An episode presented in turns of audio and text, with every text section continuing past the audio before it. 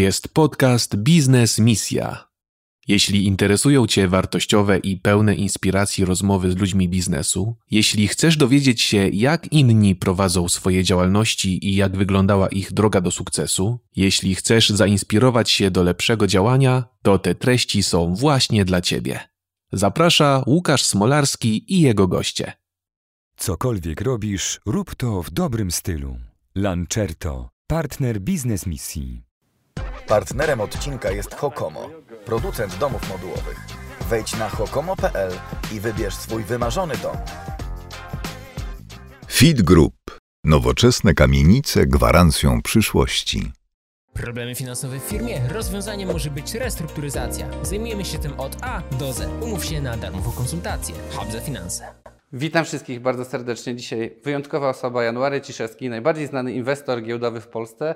Wielu możecie też znać z inwestowania innymi w ekipę, ale no tyle spółek jak przyjrzałem, to chyba nie sposób. Właśnie jest, później zapytam, czy Ty w ogóle wiesz, ile spółek masz, bo to naprawdę imponująca liczba i co najważniejsze, to jest, te, inwestujesz z sukcesem. Tak jakby te firmy, które zainwestowałeś, one naprawdę rosną przy Tobie i Ty też jako e, inwestor. Także w ogóle no, trzeba powiedzieć, że też jesteś e, prezesem, założycielem JDR Holding i tutaj też o tym porozmawiam, więc bardzo miło, że możemy się spotkać.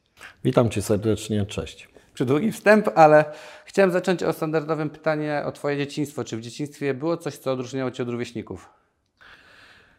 E, no miałem troszkę cech, które mnie wyróżniały. Przede wszystkim byłem ambitny, bardzo, zawsze i to mnie troszeczkę w pewnych momentach też deprymowało, dlatego że jak nie osiągałem jakiegoś celu, no to się denerwowałem. Dlaczego? I zawsze starałem się cele osiągać i robię to do dzisiaj. Wyznaczam sobie duże cele i, i staram się je osiągać i nawet powiem Ci szczerze, że cele są tak wysokie, że patrzę się tak wysoko, a później osiągając go patrzę się w dół, czyli znowu poprzeczka rośnie. No oprócz tego byłem bardzo nieśmiały. I jak to mówię dzisiaj, to każdy mówi nie, niemożliwe. A ja naprawdę byłem nieśmiałym chłopakiem, który, który zakompleksionym i tak, tak. I powiem szczerze, że biznes mnie troszeczkę tak bardzo wcześnie zacząłem już biznes, bo, bo już od 18, 17, 18 roku życia i cały czas przebywanie z ludźmi, kontakt bezpośredni mnie tak troszeczkę Zbudował pewność siebie trochę, tak? Tak, tak, zbudowały pewność siebie i te relacje po prostu dzisiaj wykorzystuję to, bo, bo mając właśnie bezpośredni cały czas kontakt z ludźmi, dzisiaj mi to bardzo pomaga przy, przy spółkach, przy osobach, które przychodzą i mi proponują różne, różne startupy, różne pomysły, to no ja, ja z tego wychwytuję bardzo dużo różnych cech, które później mają wpływ na decyzję moją. Znaczy rewelacja i to rzeczywiście też jak gdzieś prowadzę, tak samo miałem historię, że niepewność, ale te takie chyba drobne sukcesy, a później już wielkie powodują, że rzeczywiście trochę się otwieramy i zmieniamy siebie. To też może być taka rada dla przedsiębiorców, żeby się nie bali właśnie robić różnych rzeczy, bo to naprawdę później gdzieś może nam pomóc w wielu aspektach. A, a powiedz mi, bo właśnie tu wielu widzów pyta, znamy Cię dzisiaj jako już prężny inwestor, jeden pewnie z topowych przedsiębiorców w Polsce, ale jak, był, jak wyglądał Twój początek? Trochę się mówi, jedni mówią, że pierwszy milion trzeba ukraść, jedni dostali od rodziców i tak dalej. Jak było w Twoim wypadku? Czy jak Ty zarobiłeś pierwszy milion? Ja się wywodzę w ogóle z handlu i jak to w latach, przełom lat 80., 90., handlowałem różnymi towarami, elektroniką, zegarkami. No i później między innymi z kolegą wprowadziłem taką sieć do Polski Wszystko po 4 zł. No było, było dosyć głośno o tym. Powstało 16 hurtowni w kraju i zrobiliśmy to w pół roku. Także pamiętam, jak pracowałem czasami po 36 godzin autentycznie. No, później to były pierwsze pieniądze większe, które, które zarobiłem. Później chciałem sobie odpocząć, zainwestowałem w nieruchomości, trochę pasywnie, ale też mi się tam udało dobre w odpowiednim czasie, bo to był rok 2005-2006, gdzie jeszcze można było tanio kupić nieruchomości, było dużo okazji. No i przez to multiplikowałem kapitał No ale coś mi brakowało, nie? Brakowało mi tego, na co robiłem od samego początku, czyli gra na giełdzie. Mhm. No dobrze, ale te sklepy, bo to właśnie też wielu jeszcze widzów przed e, wywiadem pytało, bo każdy chyba zna, ja też kupowałem wchodzić i tam naprawdę zawsze coś było, nie? I jak w ogóle wygląda taki model tej sprzedaży? Jak to właśnie udało Ci się zrobić taką sieć? Że to z założenia no nie był jeden sklep, bo czasami ludzie, nie wiem, kupią coś w Chinach i na Allegro sprzedadzą albo lokalnie i wszystko, nie? No wtedy jeszcze to były inne czasy. Myśmy ze wspólnikiem z Warszawy, myśmy bazowali na tym, że kupowaliśmy duże ilości, negocjując cenę y, niską w Chinach, czyli na przykład kupowało się kontener ramek na zdjęcia, a do tej pory inwestor, do tej pory dystrybutor y, kupował 50 y, kartonów, 100, myśmy kupowali po prostu cały kontener 40-stopowy, później nawet kilka kontenerów jednego rodzaju, przez to cena była taka, że y, nawet sprzedawaliśmy w cenach, w detalu, w cenach hurtowych innych hurtowników, także no ilość. To była po prostu, e, biznes polegał na kupowaniu i sprzedawaniu praktycznie hurtowych ilości. Mhm. No o tych nieruchomościach to jeszcze pewnie będę chciał porozmawiać, bo to też jest dzisiaj temat taki gorący, ale jeszcze zanim przejdziemy do takich konkretów, to mam do Ciebie pytanie, w ogóle czy Ty też spotykasz się z takim problemem z zaufaniem do innych przedsiębiorców? Chodzi o to, że tu w Polsce trochę mamy taki kult, że trochę zazdrościmy, komuś się uda, trochę jest tak patrzymy, o yy, zarobił to pewnie ukradł i tak dalej. Trochę się to zmienia wśród młodych, ale nadal jest i to jest nie moment, że ktoś lepiej jest, no to jakaś kontrola i tak dalej. Czy myślisz, czy w ogóle myślisz, jak moglibyśmy to zmienić? Co powinniśmy zrobić jako też Polacy, jako naród? No bo jesteśmy świetnymi ludźmi, a z drugiej strony sami siebie zabijamy, że my też jako kanał staramy się zmieniać, że przedsiębiorca to jest ten, który no, rozbudowuje kraj, zmienia kraj na plus, daje pracę. Nie? I czy też się z tym spotykasz? Tak, aczkolwiek y, osoby, które mnie bliżej znają, wiedzą, że e, całe życie praktycznie y, jestem w biznesie, pracuję bardzo dużo, długo. E, I myślę, wydaje, że te osoby nie mają z tym problemu. Jeżeli ktoś mnie poznaje, no to może, mogą być różne reakcje. E, dlaczego, czemu tak dużo, dlaczego tak szybko się rozwijam, ale to jest zwieńczone ciężką pracą, doświadczeniami z lat. To nie powstało e, dzisiaj, to są wszystko wyniesione doświadczenia 20-30 lat temu i dzisiaj mi to idzie łatwiej.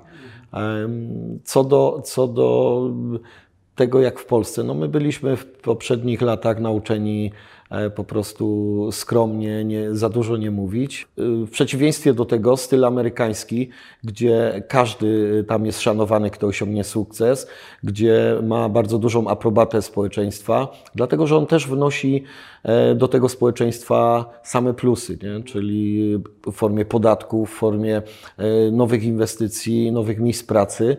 Także moim zdaniem to jest tylko kwestia dojrzewania rynku. E, i też ogólnie bogacenia się e, społeczeństwa. Nie? Jeżeli u nas na początku e, można było na palcach wymienić osoby, które miały sukces, tak w dzisiejszych czasach już tych osób jest coraz więcej. Mhm. No zdecydowanie się z Tobą zgadzam, a no dobrze, przechodząc trochę do inwestycji, zacznę najbardziej pewnie taką znaną medialnie o ekipie. Chciałem zapytać ekipę w ogóle, jak to pierwsze, jak to się stało, że zainwestowałeś jakby, no jest to, wiesz, bardzo młodzi ludzie, e, nie kojarzyłoby się to z biznesem, z jakimś poważnym inwestorem i nagle zostajesz inwestorem. Jak to się stało w ogóle połączenie, jak Cię zaciekawił ten projekt, że oceniłeś, że warto wejść? To był przypadek i to był naprawdę przypadek, dlatego że ja na początku nie czułem e, chłopaków, e, którzy przyszli do mnie. E, przyszedł do mnie Fris, wujek Łuki i chcieli mi, chcieli mi opowiedzieć o swoim biznesie. Ja ich nie znałem w ogóle, także wysłuchałem. No i fajnie, super, super, fajną sprawę robicie, no to cześć. E, I oni wyszli, ja mm, wyszedłem do, e, do mm, e, sekretarki, tam coś rozmawiam i ona mówi, wiesz kto to był? Ja mówię, no wiem, no ekipa Freeze, ale to jest jeden z największych youtuberów, jak nie największy w Polsce. No i tak się zacząłem interesować. Później było drugie spotkanie i na drugim spotkaniu chciałem właśnie znaleźć tą monetyzację tego, ale mówimy o takiej monetyzacji nie tylko wizerunkowej, tylko takiej e, fundamentalnej, tak, żeby, żeby mm, ekipa jako, jako spółka, jako holding dzisiaj e, była na rynku nie tylko wtedy, kiedy jest modna, tylko e, żeby tworzyła dodatkową wartość i zakładała spółki, które mają perspektywę długoterminowo funkcjonować, rozwijać się. No i już na trzecim spotkaniu rozmawialiśmy o o strukturze, o tym, jak, jak mogłaby ta spółka wyglądać. No I dzisiaj ekipa to jest e, ekipa holding e, i oprócz tego pięć spółek zależnych, spółek córek, mhm. która, które każda z nich się rozwija. Ja tutaj powiem jedną rzecz, bo co do ekipy fajna, fajna sprawa.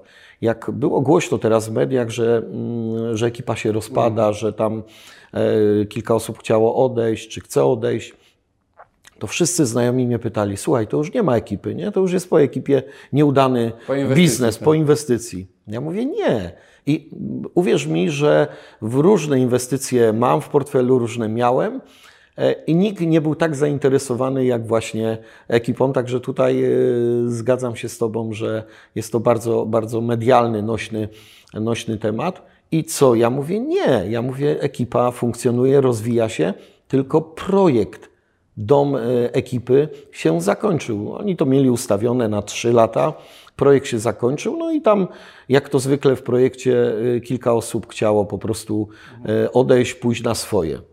I e, no niestety media to inaczej zinterpretowały. Ekipa się rozwija, przecież projekt Gen Z, projekt y, y, filmów, produkcja filmu animowanego, filmów animowanych, produkcja gier, marka odzieżowa, to wszystko, to wszystko się rozwija.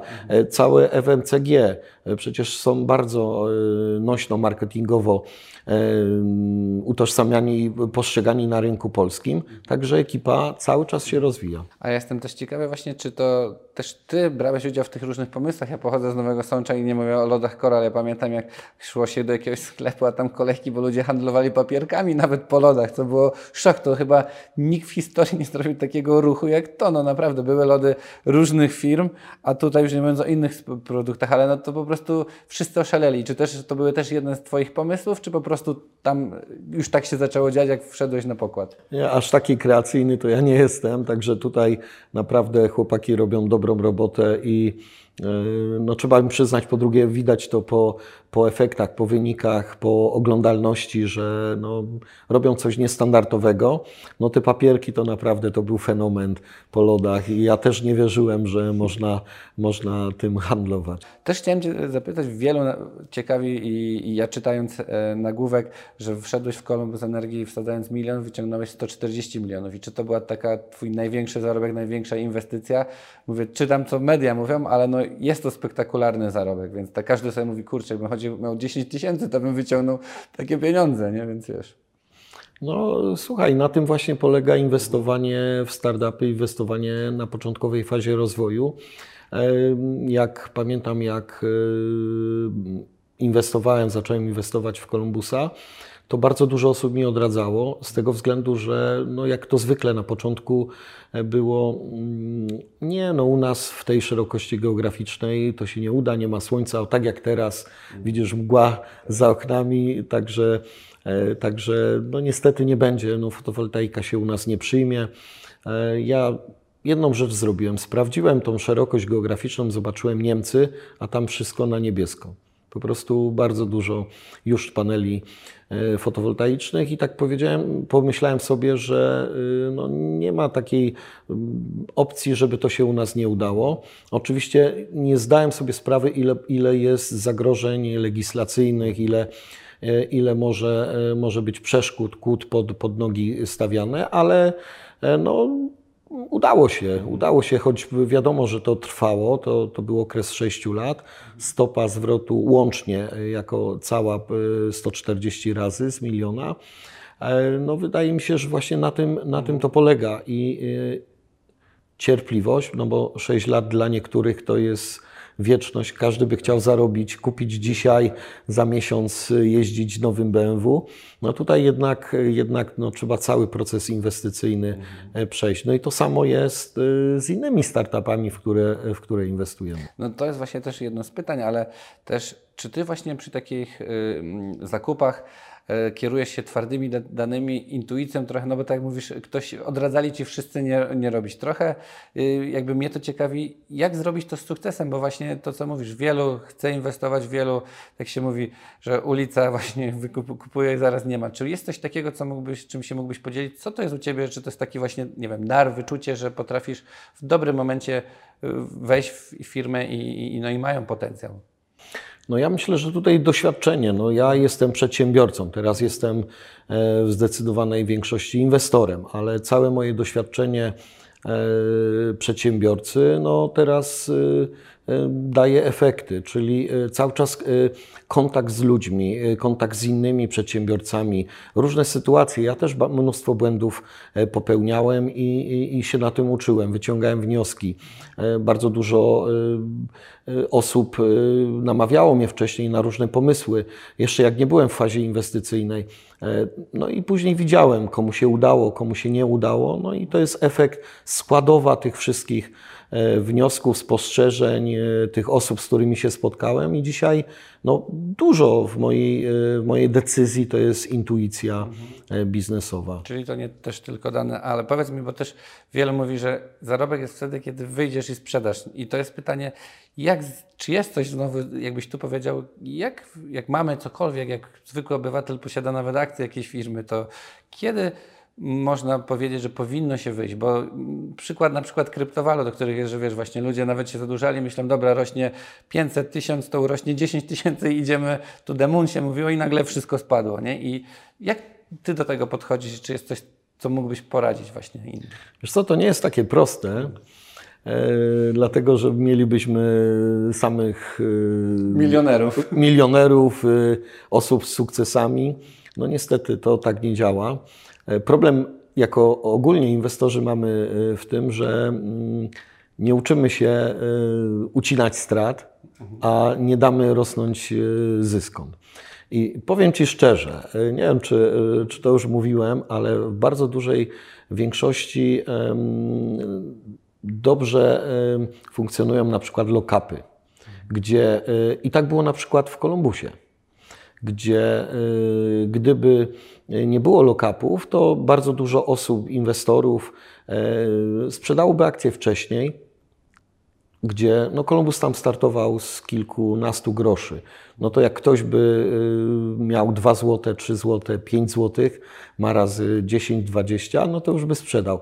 A dużo osób E, oczywiście ma do tej pory, inwestuje długoterminowo, ale dużo osób sprzedawało po 40 zł, po 50. Zobacz, jakie to są, jakie to są przebitki. Dużo osób mnie się pyta, e, dlaczego sprzedałem e, przy tam ostatnią, ostatnią, ostatnią partię akcji sprzedałem, ostatni pakiet sprzedałem tam przy, przy kilku złotych. E, no, dla mnie się liczyła średnia i e, ja wcześniej nie mogłem sprzedawać, bo miałem lock-up. Także to nie jest tak, że, że gdy widziałem, gdy, gdzie rynki były rozgrzane, że e, no, kurs Kolumbusa szybował. To było nawet w szczycie, to było chyba ponad 4 miliardy kapitalizacji. Także coś niesamowitego.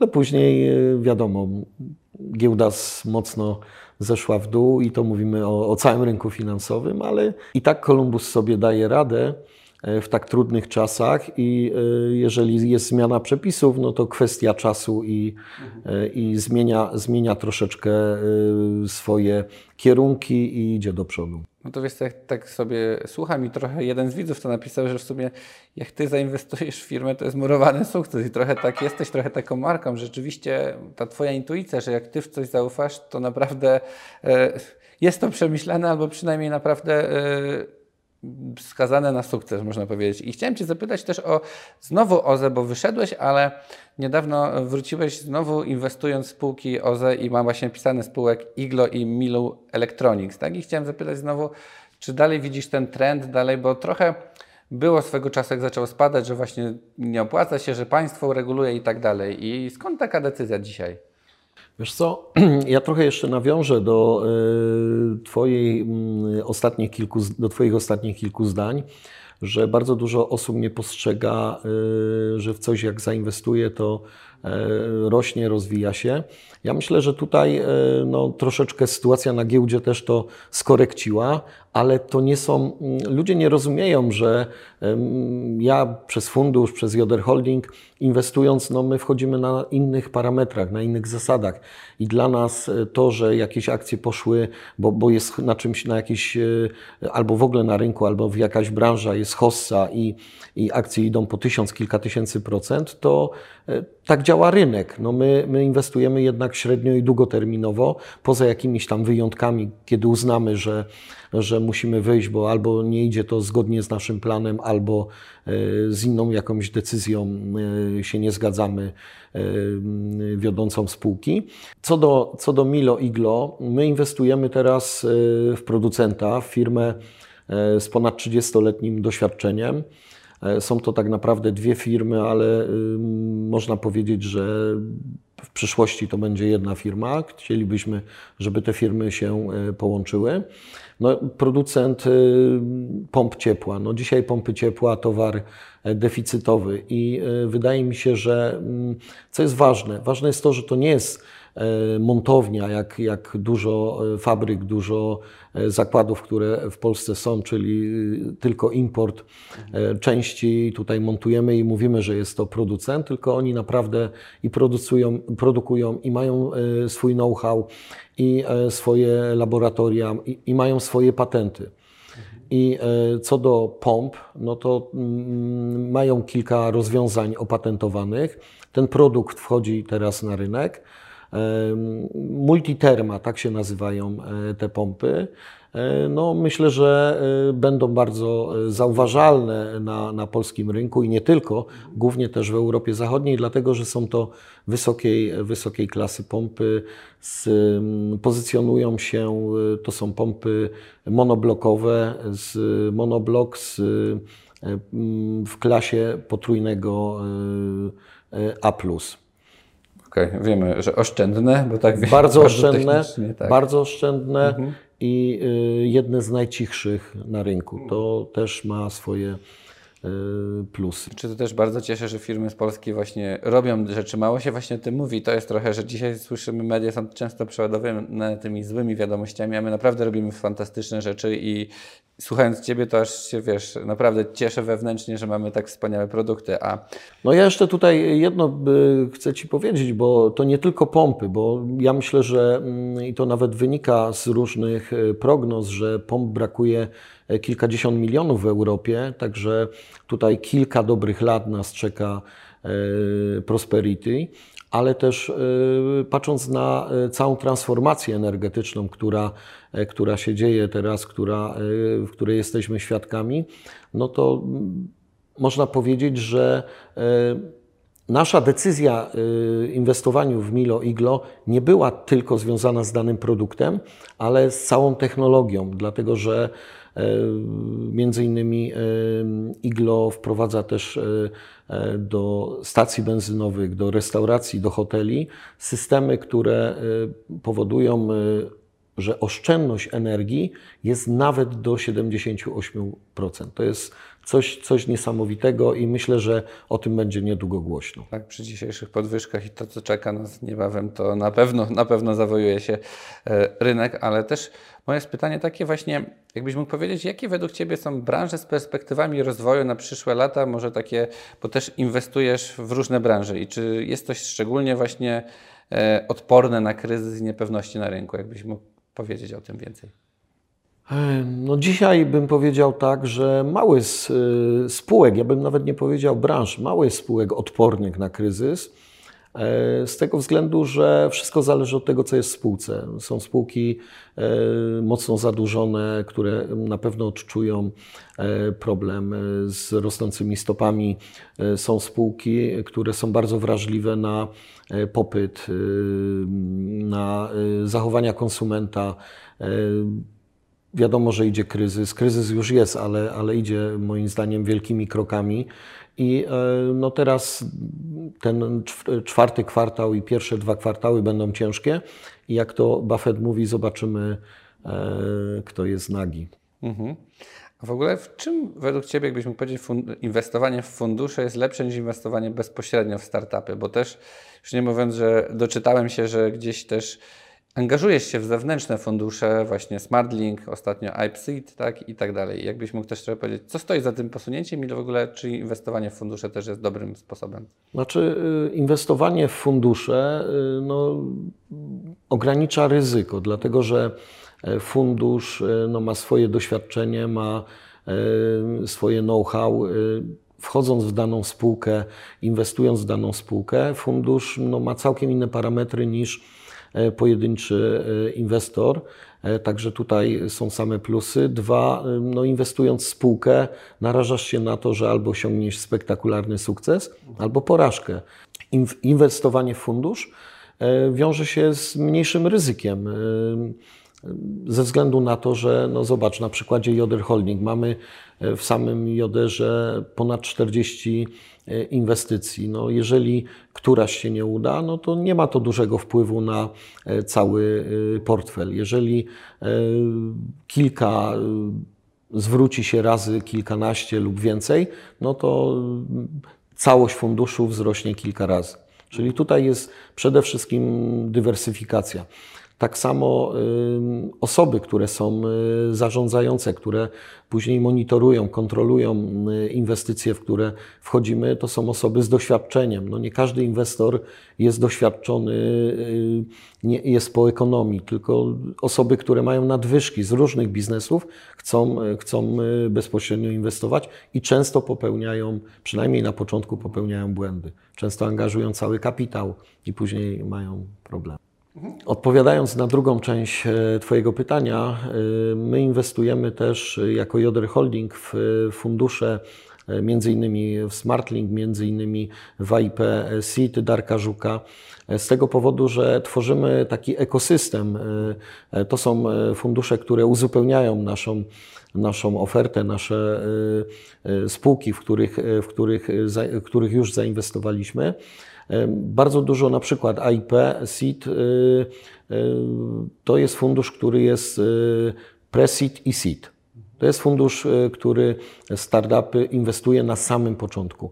I bardzo dużo startupów, e, które wychodzą z tego funduszu, e, rozwijają się, chcą następne rundy, no to my jesteśmy już przygotowani na to, żeby w te spółki inwestować, dlatego że je obserwujemy już od samego początku. Także tutaj tworząc taki ekosystem, tak naprawdę jeszcze bardziej dywersyfikujemy i y, robimy bezpieczny nasz portfel przez y, to, że spółki obserwujemy na samym początku. Czyli świetne, no bo taka dywersyfikacja trochę też może pomóc w kryzysie między innymi, bo masz wiele naprawdę dodatkowych jeszcze jakby spółek. Firmy inwestycyjne w kryzysie powinny wykorzystywać swoje szanse, czyli powinny właśnie wtedy inwestować, dlatego że no, mają lepsze, dużo lepsze warunki czyli tak paradoksalnie mówiąc, im na rynku jest gorzej, tym e, trzeba coraz więcej inwestować, bo to są te okazje.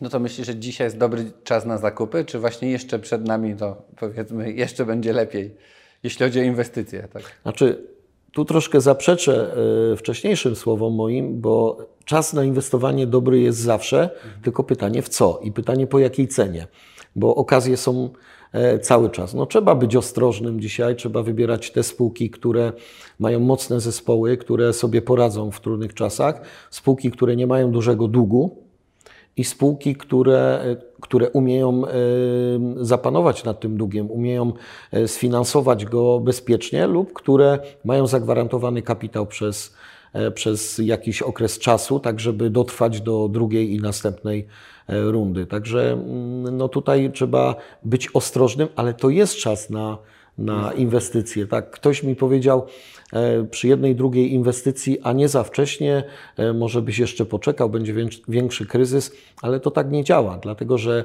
jak nie my, to ktoś inny e, wejdzie. To jest jakaś czerwona kreska, po której już, już się więcej nie wyciśnie w dół i, i już ta cena nie spadnie, czy będzie kryzys większy czy mniejszy. Także wszystko zależy od tego, jak się wynegocjuje warunki wejścia.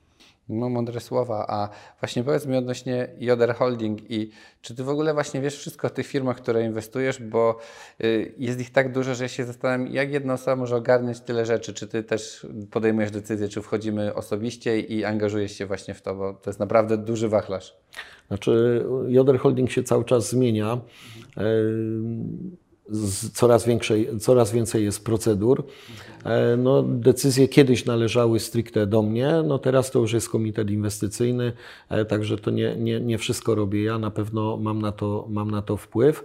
E, duży, ale to już jest kilka osób, zespół jest cały czas rozbudowywany, także no nie da się już w pewnym momencie wszystkiego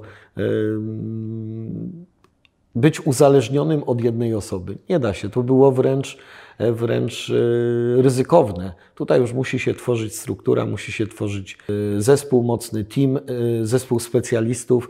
Nie każdy jest dobry we wszystkim, czyli tutaj trzeba dywersyfikować i rozdzielać to wszystko na, na poszczególne osoby. Myślę sam, czy ty nie masz tak, że właśnie czasami mówisz, kurczę, bym się chciał jednak dowiedzieć, chciałbym zadecydować, nie masz takiego, że coś ci ucieka, bo ja mam tak, że na przykład jak ja bym komuś zlecił montaż wywiadu, to ja tego nie chcę, mówię, kurczę, ja chcę posłać tą osobę, być w tym, nie? I to jest tak, że jak ciężko jest tak oddelegować te rzeczy, no bo to jest tak jakby twoje dziecko, nie? I wiesz, i zawsze miało się miało i nagle powiedzieć dość jest pewnie bardzo trudno. Na początku, na początku było tak, że więcej czasu poświęcałem danej spółce, no dzisiaj to jest e, coraz mniej e, przeze mnie poświęcone czasu. Spółkom jako, jako Joder Holding poświęcamy dużo czasu. E, ja myślę, że zespoły nauczyły się ze mną rozmawiać szybko czyli y, wiedzą, że nie możemy już porozmawiać o różnych rzeczach y, prywatnych, tylko pytają się, ile masz czasu i chcą jak najwięcej y, przekazać, i, i tak to się odbywa. Także kosztem szybkości, jakiejś lepszej organizacji albo jeszcze lepszej organizacji czasu jakoś daje radę. Super. A od strony takiego przedsiębiorcy, powiedz mi, mamy prawo w Polsce, jakie mamy podatki i w ogóle. I co według Ciebie najbardziej przeszkadza przedsiębiorcom, albo co powinniśmy właśnie zmienić właśnie jako kraj, żeby lepiej prowadzić biznes? Co dzisiaj według Ciebie jest taką największą bolączką? E, ja myślę, że w dzisiejszych czasach, chcąc e, promować e, pewne zachowania, na przykład inwestorów, żeby więcej inwestowali w startupy, w spółki, które docelowo przyniosą w formie podatków, w formie nowych miejsc pracy bardzo duże korzyści dla gospodarki, to wydaje mi się, że powinny, powinny być jakieś ulgi, nie wiem, związane na przykład y, z obniżeniem e, podatku od y, y, udziałów, od sprzedaży później udziałów, akcji e, po jakimś okresie, po wyjściu z danej inwestycji, tylko ująłbym to w danym czasie, czyli po jakimś czasie, żeby to nie było tylko związane ze spekulacją. Moim zdaniem tak samo no, powinny być pieniądze mocno inwestowane w edukację. Przede wszystkim, dlatego że jak wychowamy e, młodych inwestorów, e, młodzież, żeby chociaż wiedzieli, co to jest RSSO, e, bo bardzo dużo osób ogląda różne reklamy i nie wie, jaka jest naprawdę stopa procentowa, ile oni płacą. Po prostu patrzą tylko na ratę, a nie wiedzą, ile tak w sumie, w sumie ich kosztuje dany produkt. To jest tylko przykład do tego, jak mamy właśnie słabo wyedukowane społeczeństwo. Dlatego chcąc rozwijać rynki kapitałowe, też musimy e, przede wszystkim edukować e, e, potencjalnych nowych inwestorów, młodzież, która chce, bo paradoksalnie młodzi ludzie chcą, bo świat się bardzo zmienia. Zobacz, ile dzisiaj jest, e, ile się mówi o e, nowych firmach, spółkach technologicznych. Dawniej to było no, kilka, kilkukrotnie e, lub więcej mniej tych spółek, a dzisiaj non-stop codziennie się słyszy o jakimś startupie, który osiąga sukces. Bardzo dziękuję Ci też, Inwary. Dziękuję za spotkanie. Dziękuję. dziękuję. dziękuję.